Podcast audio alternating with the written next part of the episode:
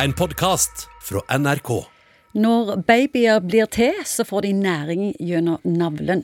De blir født, og navlestrengen kuttes. Etter det er navlen din bare til pynt. Og lege Morten Munkvik, fortell om navlen. Fortell om navlen, Ja, ja. for enten så er det utover navle eller innover navle. Og Ja. noen har svære dalsøkk. Ja, det er sant.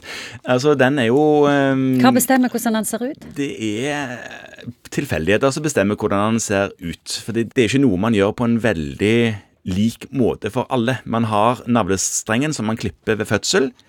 Og så blir den stumpen eh, av navle igjen der, og så, for å si det rett ut, da, så råtner den vekk og faller av. Er det måten du kutter navlestrengen på?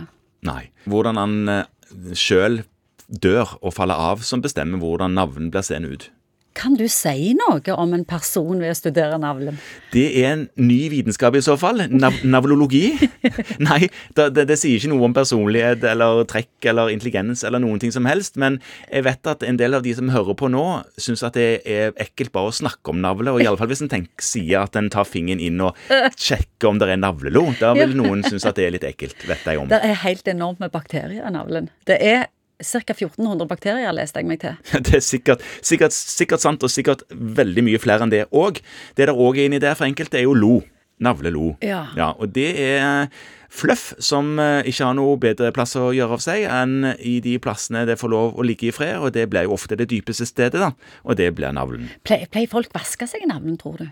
Jeg tror ikke folk tenker at de skal liksom eh, vaske seg i skritt under armene, og så i navlen. Jeg tror ikke det er på repertoaret på vaskelisten til folk. Heldige de ser utover navlet, da, for de får jo den automatisk vaskt, på en måte. Ja, det kan du si. Eh, og de som igjen er litt korpulente, vil jo ha navlen tjora fast langt inni der et sted.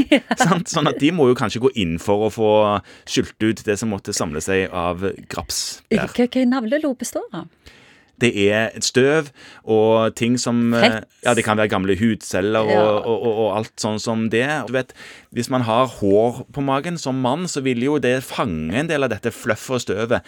Og hvis man da har klær på som gnager fram og tilbake, så vil man etter hvert samle alt i en ball inni det hullet. Det er altså australsk forskere som har funnet ut at den typiske navlepersonen, navlelo-personen, det er en overvektig mann med masse hår på magen.